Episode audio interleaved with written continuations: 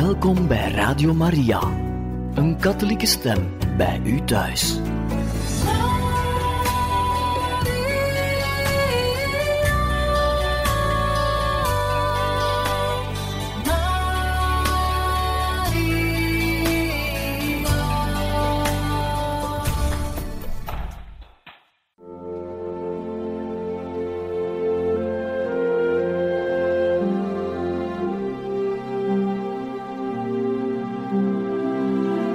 Beste luisteraars van Radio Maria, welkom bij het programma Catechismus.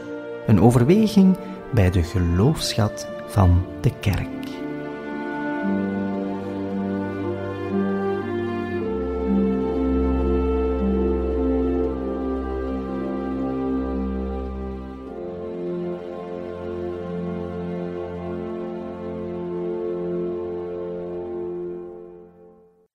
Beste luisteraars van Radio Maria, we zijn vandaag aan het laatste deel toegekomen van een catechesereeks met meditaties bij de vier evangeliën, gebracht door pater Patrick Lens, Dominicaan.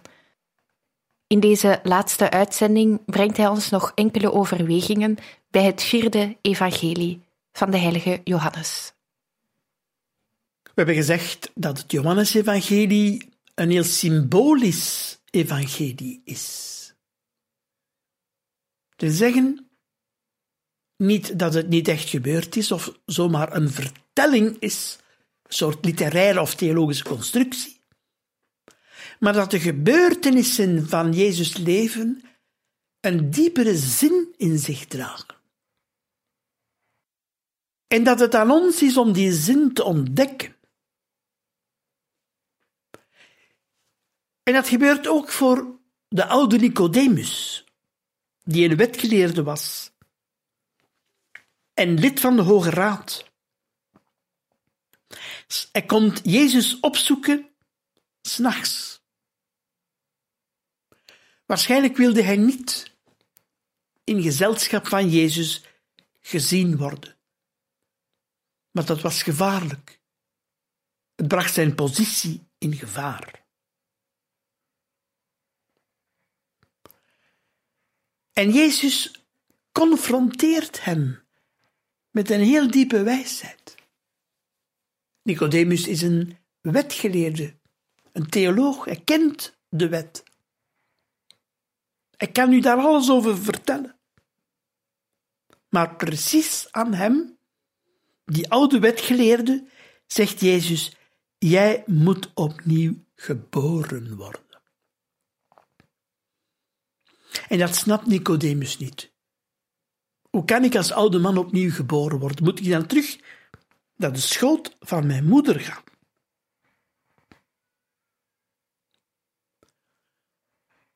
Toch, zegt Jezus, jij moet opnieuw geboren worden uit water en geest. Jezus spreekt hem over het suizen van de wind.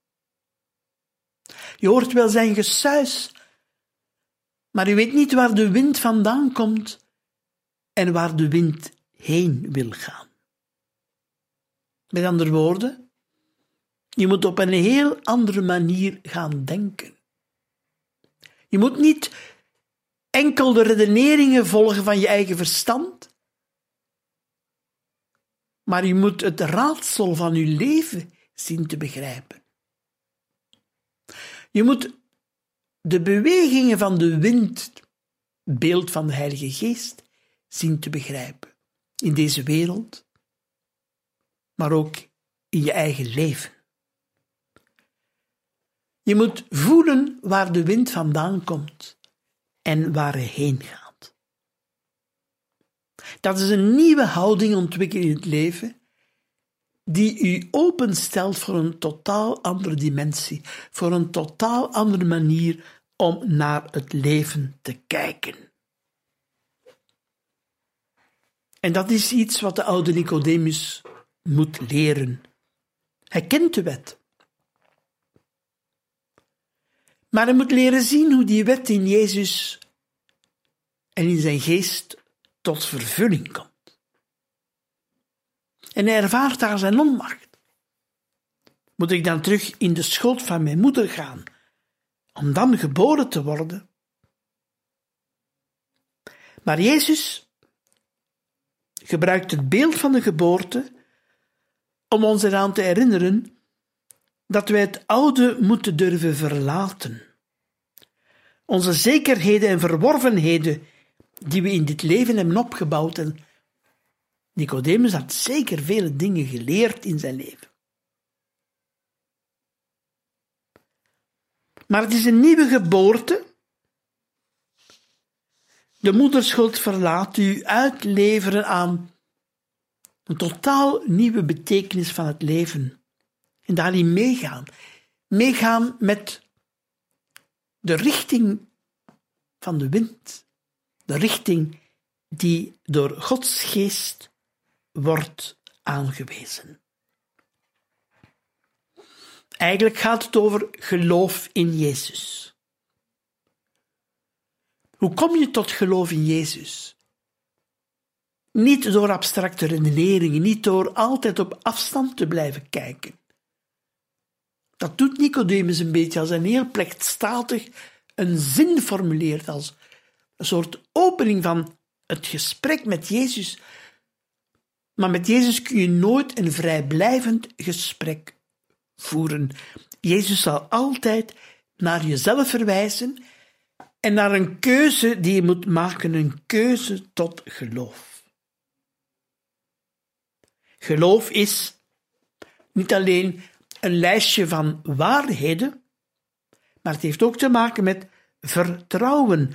Vertrouwen in Jezus zelf, die Gods zoon is. Vertrouwen wil zeggen dat je je overlevert aan het oncontroleerbare van God.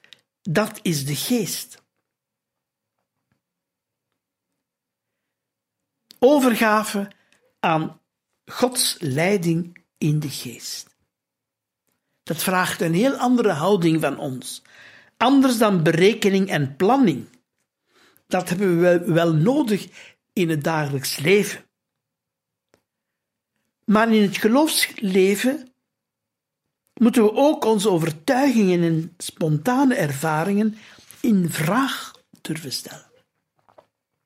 We moeten ook ons beeld over God in vraag durven stellen. De geest maakt geloof levend en bewegelijk als de wind. De wind kun je niet naar je hand zetten. Je kunt alleen met je handen trachten te voelen van waar de wind komt. En waar hij heen gaat, zal altijd wel een raadsel blijven. Je kunt de wind niet sturen in de richting waarheen jij wil. Het is ook een ander beeld van het volgen van Jezus. Als je Jezus volgt, dan is Hij degene die voorop loopt. En jij gaat hem achterna. Hij zegt niet waarheen hij gaat. Hij zegt wel, kom en volg mij. We bepalen zo graag ons eigen leven.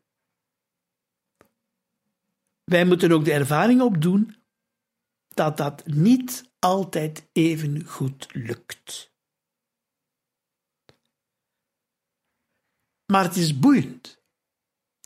Wanneer je de regie over je leven veel meer aan God leert uit te besteden. Het gaat over zoeken naar, zijn, naar leiding van God. En Jezus nodigt ons uit om die leiding van God in ons leven te zien in de tekenen die dit leven ons biedt. Want er zijn ook tekenen.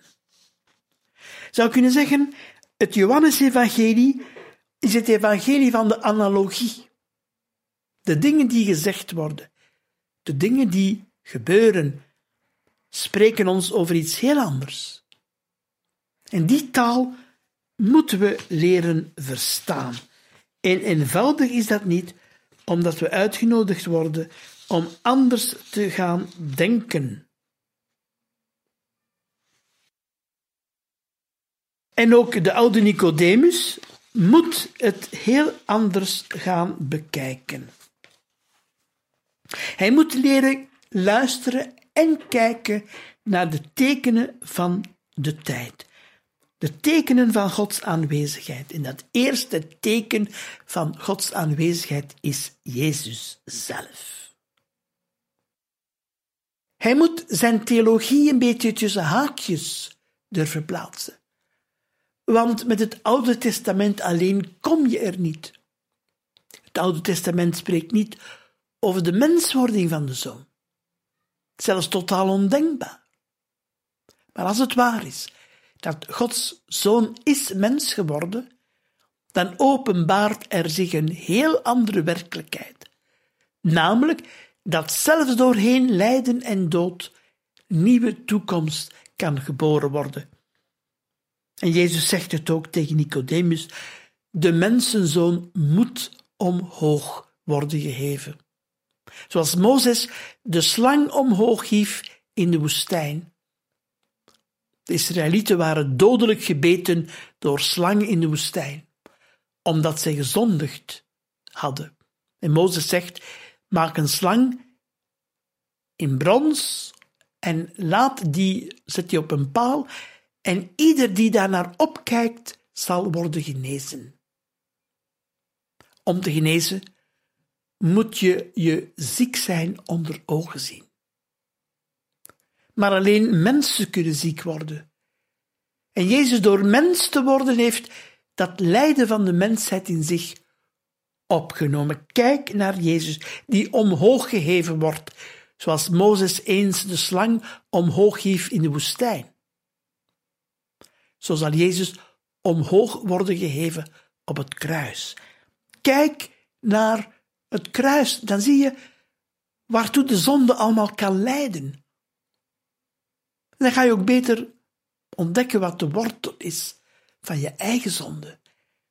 En hoe dat God ons door zijn zoon ons juist daarvan wil bevrijden, die angel van de dood uit onze wonden nemen.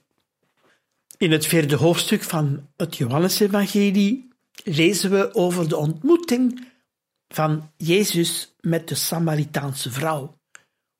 Jezus zit op het middaguur bij een waterput in Samaria en er komt een vrouw waterputten. Het is een beetje vreemd, want normaal in die warme landen gaan de vrouwen s morgens en s avonds naar de waterput. Dan is het koeler en ze treffen elkaar daar. Ze kunnen een babbeltje met elkaar doen. Deze vrouw gaat blijkbaar de ontmoeting met de andere vrouwen uit het dorp uit de weg. En Jezus vraagt haar: Mag ik eens drinken? Dat verbaast die vrouw. Want Joden en Samaritanen spreken niet met elkaar. Joden haten de Samaritanen. Dat was een onrein volk. En drinken uit dezelfde beker met Samaritanen, dat werd als onrein ervaren, of als een teken van een vriendschap die er eigenlijk niet bestond. Deze volken leefden van elkaar gescheiden. En Jezus, die heel duidelijk een Jood was, die vraagt, mag ik eens drinken? En heeft die vrouw aan de waterput zodanig getroffen, dat ze zegt, je weet toch dat wij geen relaties onderhouden, onze volkeren, en toch vraag je me te drinken. Dat moet op die vrouw een geweldige indruk hebben gemaakt, omdat ze als het ware al de, ja, alles wat in de weg stond, dat Jezus dat overbrugd heeft. Vanuit een heel eenvoudige menselijke behoefte zocht hij contact met een andere mens, die Samaritaanse vrouw. En ze heeft dat ongetwijfeld ervaren als een vorm van eerbied. En dan ontspint zich een gesprek over dat water. En Jezus zegt, als je eens wist wie het was die u zegt, geef mij te drinken, je zou het aan hem hebben ervaren, hebben gevraagd, en hij zou u levend water hebben gegeven. En die vrouw zegt levend water, maar je hebt niet eens een emmer. om water uit de put te halen. Waar haal je dan dat levend water vandaan? En Jezus zegt: Het water dat ik u zal geven is levend water en het zal van binnenuit uit uzelf opborrelen als een levengevende bron. Er bestond een rabbijnse legende dat als Jacob aan de bron kwam, en dat was nu precies die bron waar Jezus zat, als Jacob aan de bron kwam, kwam het water als het ware vanzelf naar boven. Hij had geen emmer nodig. En die vrouw verstaat dat signaal. Zij kent die legende. En zij zegt: Ben je dan groter dan onze vader Jacob, die ons deze put gaf?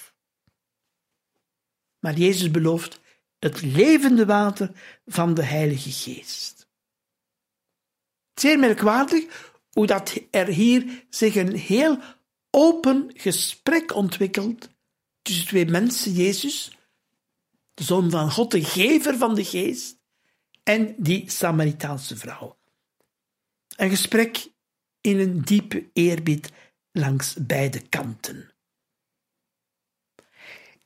En dan komt Jezus op die andere vraag die wij niet zouden durven stellen. Hij zegt aan die vrouw: Ga uw man roepen. Voor ons zou dat misschien niet een erg gepaste vraag zijn. Maar in die tijd was dat normaal. In vele landen is dat nog steeds normaal. Als man ga je niet spreken, en zeker niet in het publiek, met een vrouw waarmee je niet getrouwd bent. Dus wilde Jezus dat gesprek verder zetten, was het heel normaal dat die man er zou bijkomen. En dan zegt die vrouw: Ik heb geen man. Inderdaad, zegt Jezus, vijf mannen hebt je gehad, en degene die je nu hebt, is uw man niet. Wat dat betreft heb je de waarheid gesproken. Heer, ik zie dat gij een profeet bent. Die kennis die Jezus over haar had, haar verleden, haar heden, was helemaal niet iets bedreigend. Er was al vertrouwen tussen Jezus en die vrouw. En als Jezus dat onderwerp aansnijdt via een heel normale vraag, tenminste toch in die tijd. Als die sfeer van vertrouwen daar is, dan kan het verdere gesprek met Jezus alleen maar levengevend zijn. En daar gaat het over. Welke dialoog zou Jezus met mij willen voeren? Om mij te bevrijden en mij te genezen. Om die innerlijke bron in mij aan te boren en mij terug tot leven te brengen. Dat is de grote vraag die deze Bijbeltekst ons wil stellen.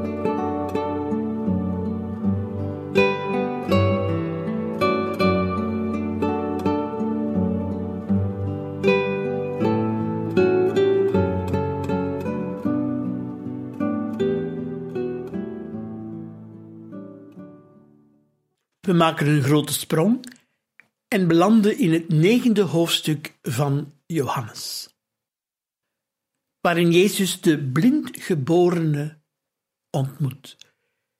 Er is een blindgeborene en de leerlingen stellen aan Jezus de vraag: Wie heeft nu gezondigd? Hijzelf of zijn ouders? Voor ons is dit misschien een vreemde vraag. Maar in Jezus' tijd werden ziekte of handicap automatisch verbonden met een goddelijke straf. Ook nu nog zijn er mensen die bij grote ervaringen van lijden zich afvragen: waaraan heb ik dat toch verdiend?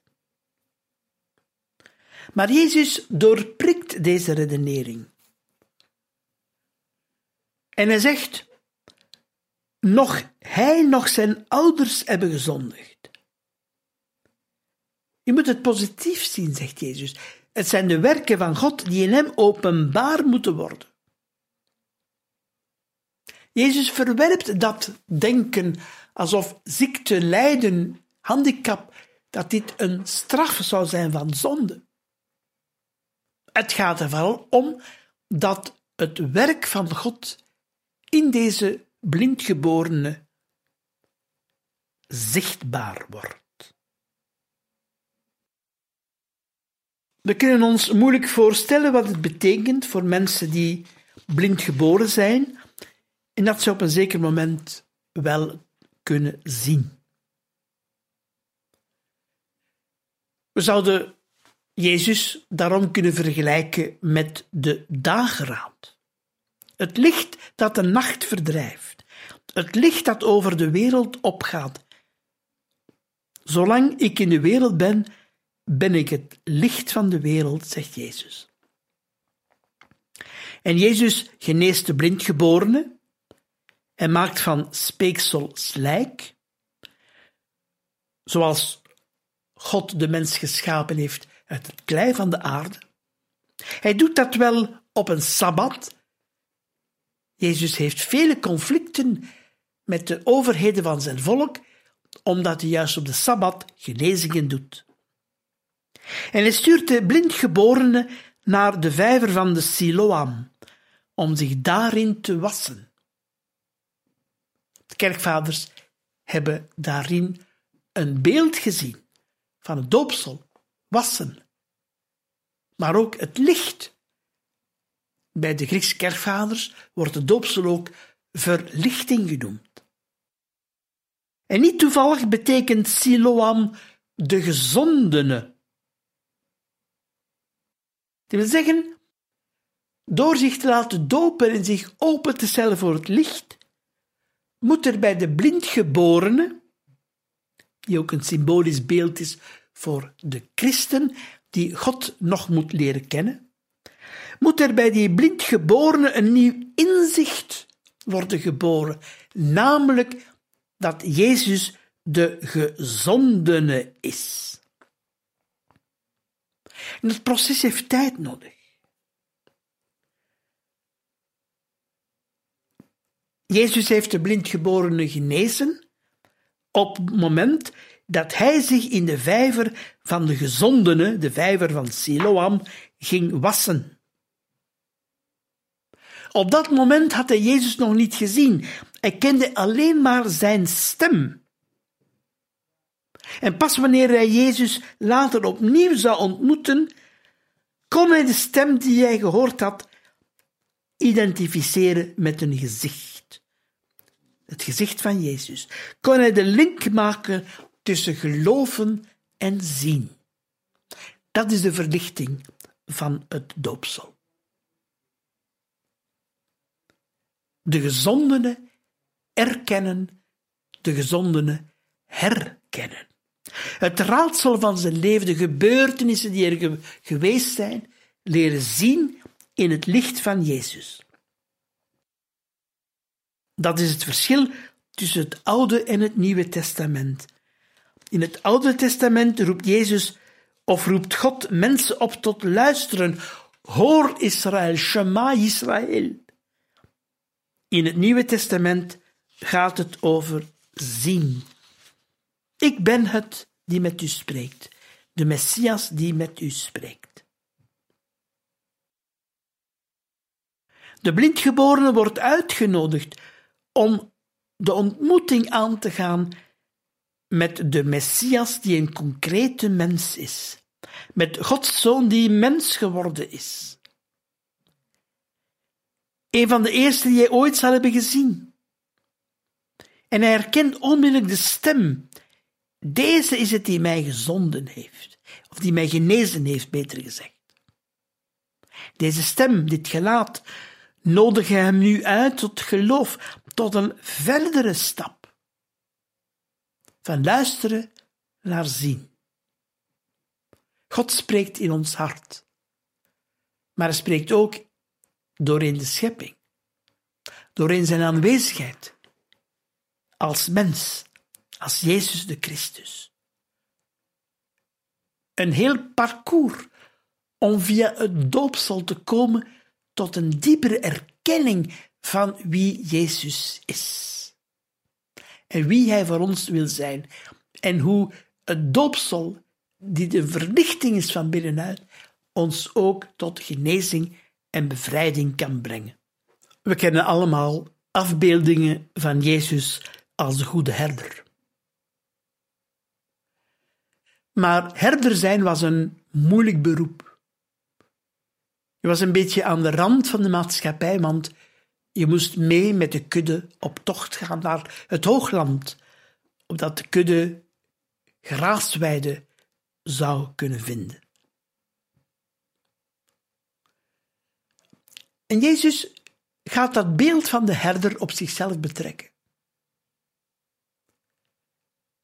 En wat we meestal vergeten is dat de woorden van Jezus over de goede herder precies komen na het incident in Jeruzalem bij de genezing van de blindgeborene. De overheden van het volk weigeren te aanvaarden dat Jezus die man genezen heeft. En die man ontkent niet dat Jezus hem genezen heeft. Hij blijft ervan getuigen. Maar precies dat wordt hem verweten. Hij gaat achter die man aan die Jezus, die hem genezen heeft. Maar Jezus wordt gezien als een vijand, als een instrument van de duivel. En de arme blindgeboren die nu genezen is, wordt als het ware als een duivelskind behandeld. En omdat hij in Jezus gelooft, wordt hij uit de synagoge gestoten. Dan zien we natuurlijk al iets heel belangrijk. Dat conflict tussen gelovige mensen die achter Jezus gaan staan en de overheid van het volk. Daar gebeurt iets wat op een breuk lijkt. Jezus zal uit de weg geruimd worden. Hij kan niet blijven leven. Hij kan niet in Jeruzalem blijven. Hij zal brutaal om het leven worden gebracht aan het kruis. Maar precies door zijn verrijzenis zal hij een nieuwe exodus opzetten, waarin mensen die in hem geloven en mogen volgen door het land van de dood naar de verrijzenis toe. Jezus is de goede herder. Goede herder omdat hij houdt van alle mensen. Omdat hij de blind geboren heeft genezen. Omdat hij zijn leven geeft voor de schapen. Want doordat de blindgeborene genezen is, krijgt Jezus zelf heel wat last met zijn eigen volk en met de overheid van het volk. En ook de arme blindgeborene wordt uitgestoten. Hij kan niet anders dan met Jezus meegaan. Want voor hem is ook Jeruzalem onleefbaar geworden. Doorheen het conflict, doorheen de pijn, leidt Jezus mensen naar een andere toekomst. En zonder twijfel mogen we die tekst uit het tiende hoofdstuk van Johannes lezen tegen de achtergrond van Psalm 23, de psalm over de herder die God is. De Heer is mijn herder. Hij laat mij weiden in groene weiden. Hij laat mij neerliggen aan een verfrissend water. God alleen weet waar die groene weiden zich kunnen bevinden en waarnaar ik verlang. En hij leidt ons doorheen de conflicten van deze wereld.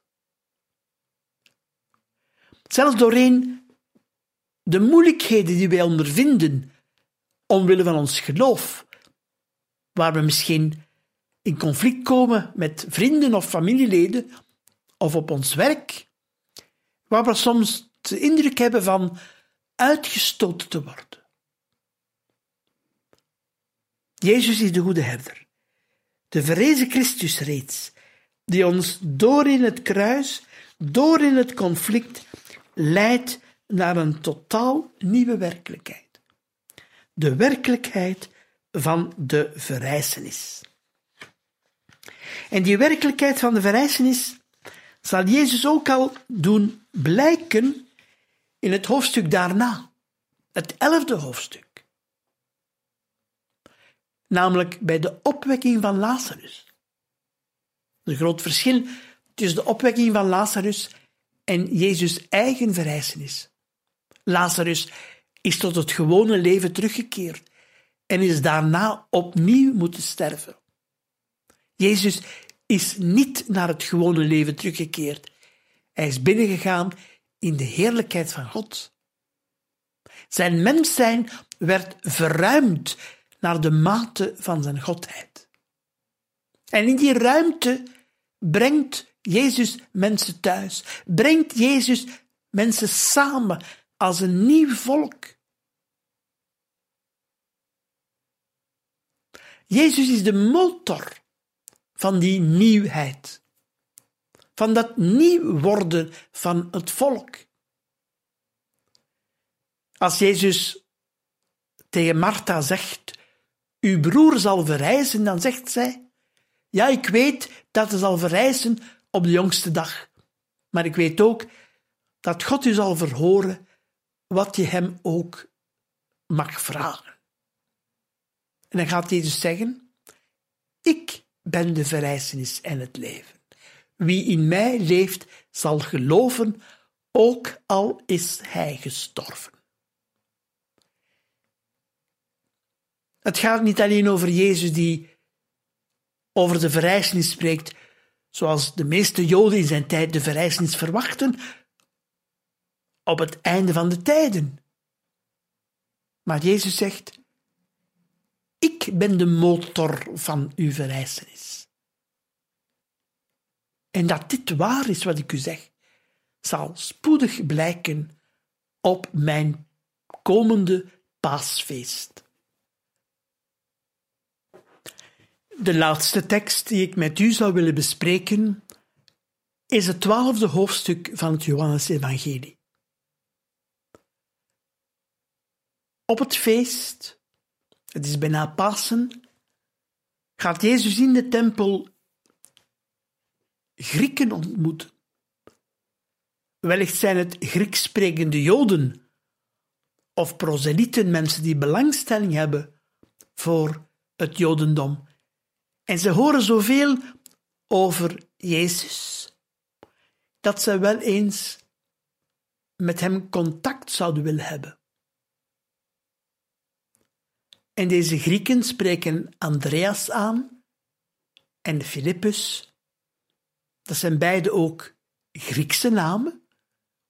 Wellicht waren zij afkomstig uit Grieks sprekende steden in Galilea. En ze komen bij Jezus en hij spreekt over de graankorrel, Als de graankorrel niet in de aarde valt en niet sterft, kan hij geen leven geven. Dat is misschien een beetje vreemd. Waarom begint Jezus nu plots over de graankorrel te spreken? Maar dat heeft ook een historische betekenis. In de tijd van Jezus, in heel de Grieks sprekende wereld, waren er zogenaamde mysteriegodsdiensten. Kleine genootschappen die een bepaalde geestelijke leer hadden, waarin u moest ingewijd worden met allerhande rituelen en ceremonieën. En een van die typische symbolen die werden gebruikt in die mysteriegodsdiensten was juist de graanhalm. Op het hoogtepunt van die ceremonie werd de graanhalm getoond. Een symbool van leven en dood. Als de graankorrel niet sterft, kan hij geen vrucht dragen en kun je er geen brood van bakken. Er moet een transformatie gebeuren van die graankorrel. Die moet uitgroeien opdat hij vruchten zou kunnen dragen. Opdat hij omgevormd zou kunnen worden in brood van leven. Het is merkwaardig hoe Jezus met mensen spreekt en een taal gebruikt die zij kunnen verstaan. Namelijk de taal van die mysteriegodsdiensten. Maar betrekt het wel op zijn eigen leven. Ik zal zelf die graanhalm zijn die moet sterven om brood te worden voor u. Om nieuw leven mogelijk te maken voor u. Jezus duidt het mysterie van zijn eigen leven aan. Van dood naar leven gaan. En dat is een van de meest typische inzichten van het christendom. Er moet een transformatie gebeuren. Door lijden en dood heen naar het leven van de verrijzenis kan het ook zien met betrekking tot ons eigen sterven.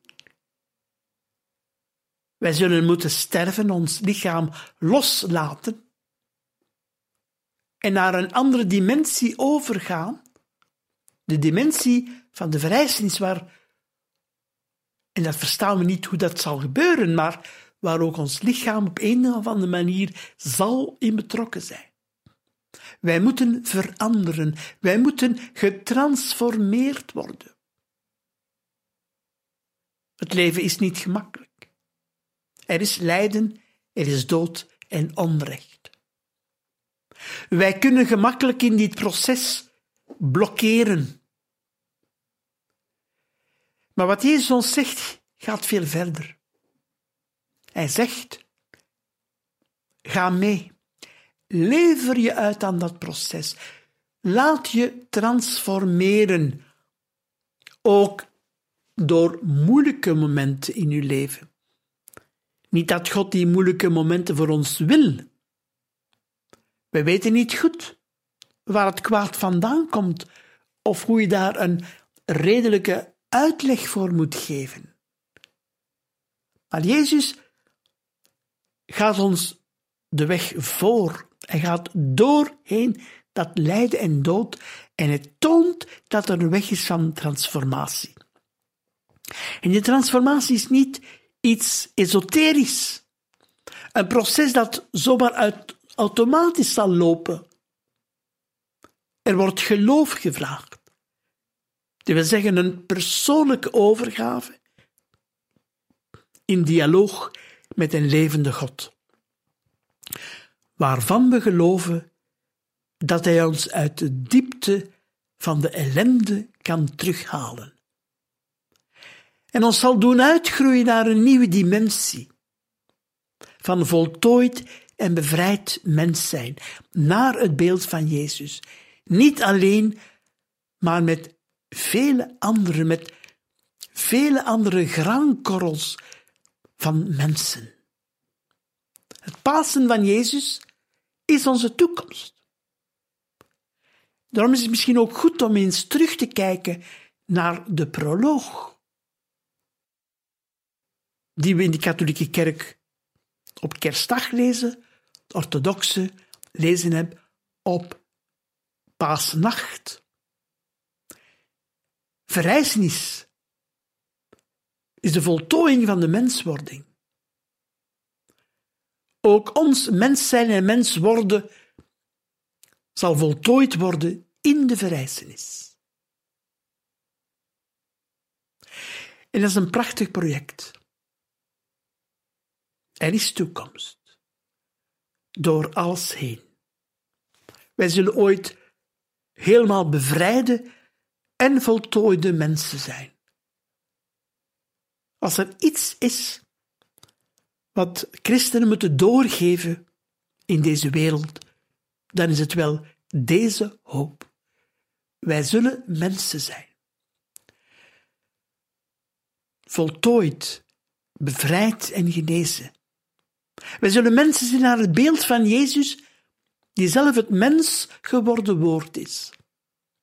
Die een woord spreekt in onze duisternis en chaos, die ons herschept met het licht van zijn verrijzenis.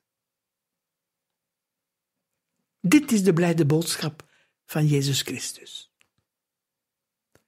Het licht van Pasen schijnt al door Jezus mens zijn heen. Gods leven en licht worden zichtbaar doorheen het mens zijn van Jezus.